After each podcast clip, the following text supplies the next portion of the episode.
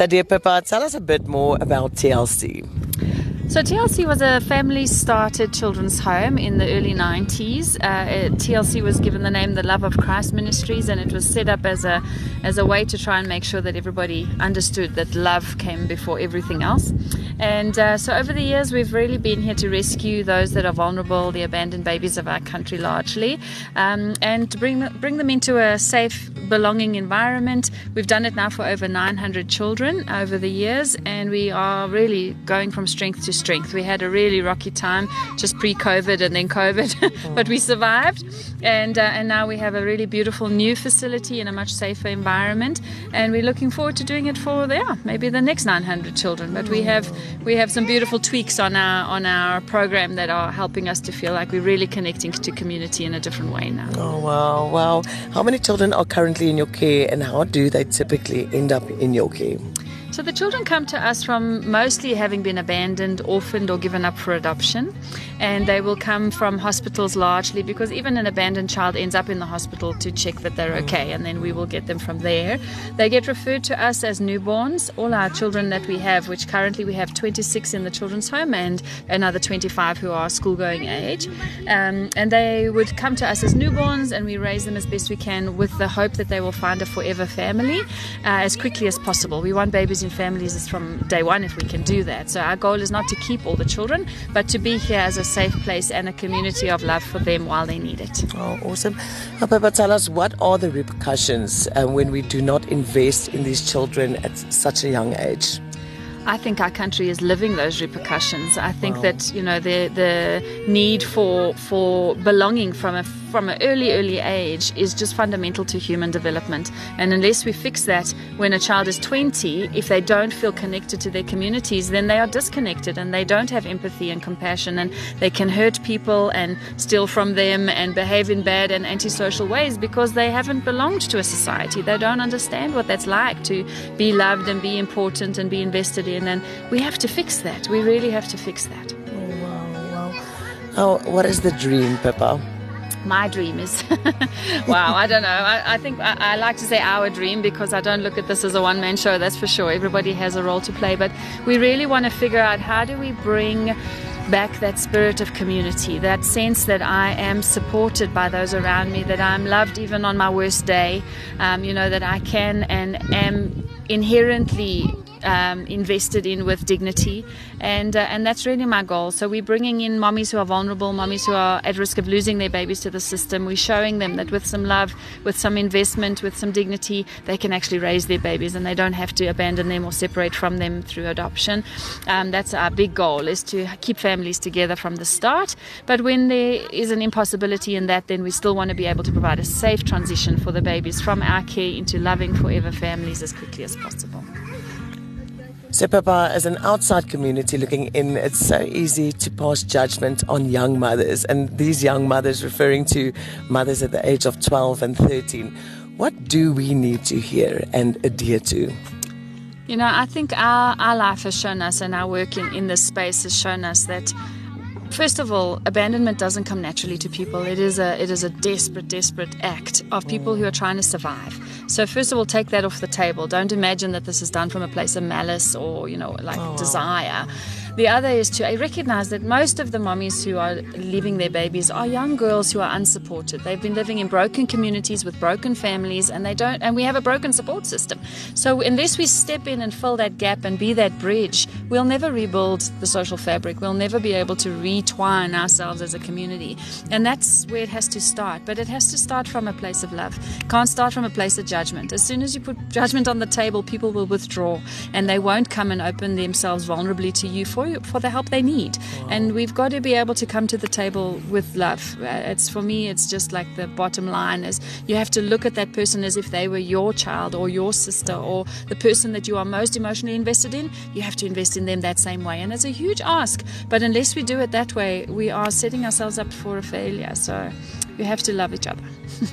Okay, so Pippa, we um, have this huge privilege of visiting TLC for the Love of Christ Ministries and um, seeing the amazing difference you're making. And we spoke about this earlier about young mothers um, coming here and uh, at the age of 12 and 13. And we know you have a massive victorious story about Ellen, who also arrived here at the age of 13. Tell us about Ellen.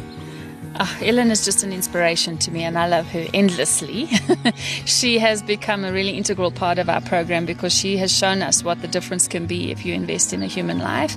And so, um, yeah, Ellen arrived at TLC at the age of 13, expecting a, a baby. And at the time, we thought that we would separate them, uh, that the baby would go into adoption and Ellen would go back to her family. But uh, God had other plans, and uh, we grew to love Ellen, and she grew to love us. And together, we co parented her uh, and her child uh, to the place where they are now. Her child is now 19 and um, and uh, living her dream overseas. And Ellen is heading up our Montessori preschool, and I couldn't be prouder. oh wow! Ellen, tell us a bit about your journey here at TLC. Uh, my journey's been uh, very, very interesting and um, uh, very, I don't know how to put this, but I've had the privilege of uh, experience the love that uh, TLC provides for young mothers, and they've made it so easy for me to be close to my daughter and uh, raise her in a way I would never have been able to do it if I was in a society where I was growing up. Mm-hmm. And um, they've given me a lot to uh, do and achieve. Uh, now have a diplomas in Montessori. I've learned so much from them. They're very good uh, support system, and um, I can't wait to do more with them. I want to carry on this journey with them, and I don't see myself doing anything else rather than being here, doing what they did for me with them for other mothers. Mm. Yeah. Thank you so much, Ellen. You are such an inspiration. Thank, Thank you. you. Pippa, what are some of your biggest challenges? So I think for any charity at the moment, we've really learned the lesson around the need to be sustainable and to find a way to make sure that you can cover your monthly expenses. Mm. Because remember, committing to a life isn't uh, you can't just turn the lights off and go home. You you have to uh, have the long term vision in mind. So we have some beautiful programs uh, to help us be financially sustainable, which don't ask too much from our community. Because you know, project funding is great, but it, it comes and it goes and it's specific for projects. But you've got to keep petrol in your cars and lights on. So what we ask people to do is to sponsor sponsor at least 100 Rand a month, um, and they do that consistently. So rather than giving us uh, uh, 1200 Rand, they give us 100 Rand over 12 months, and then in exchange, they get a lovely email in their inbox every month to show the child that they're sponsoring, and uh, and then that money goes into helping us keep you know the operations going. And then we've got a, a sister or a partner program called Revive 1000, which is asking small companies, local companies, to do the same, but to a value of 500 Rand. And then that really is just making the difference to keep us going That's how we survived COVID, where we could still buy the milk we needed when we couldn't get anywhere, you know, uh, inside um, into, uh, anyone onto the property. Because a lot of our donations, people love to bring us goods in kind, which is always great. You know, the consumables you use for children and babies are, are massively needed. Um, and so people at you know, have taken time to figure out that they can send things by Takealot or they can donate, um, you know, via uh, gift vouchers or they can bring it themselves. But those those monetary donations make a huge difference because I can't pay Eskom with donated goods. Yes. so it's that sort of thing. Thank you. And tell us a bit about this Adopt a Cots. So, Adopt a Cot is set up as a monthly uh, exchange. You build a relationship with the baby that you sponsor. We give you updates of their milestones, maybe some happy happenings in their lives, and you follow their journey from when they come in until they get placed with their forever family. And in that time, we ask you just to give us your monthly donation. Some people do a small amount, some people do more if they can manage it. And then when the child leaves, they get to celebrate with us and they get a new baby in their cot to follow. And it's a really, really powerful way of building community. Wow, wow. What is your biggest dream for these children? Oh, families today. Oh. you know what? Families have to be forever. You, it, you can't you can't grow well as an adult when you constantly have breaks in relationship. And unfortunately, temporary care for children, it breaks them. It's not good for them. Human beings need to be long, right? The word belong, to be long with each other, to spend a long time together, right?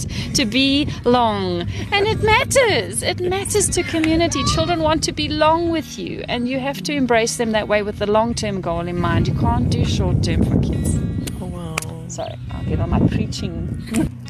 So, dear Ellen and dear Pippa and your whole team, your whole community, this whole family, we would like to thank you for the difference you are making. And uh, we told your story to EcoMed Medical, and uh, they were so touched by everything you do and the difference you are making in these young people and the the the future of our country's lives. And uh, they would love to give you a donation of 10,000 rand. My goodness, I did not expect that part. oh, that is amazing. Oh. Thank oh, you. thank thank, you. you. to you and EcoMed Medical. That is so incredibly kind and will go a long way to helping us keep going. Thank, you. And we'll definitely be back to visit you guys. Okay, You're so thank you. welcome. Christmas is coming. Yes. It's a happy place.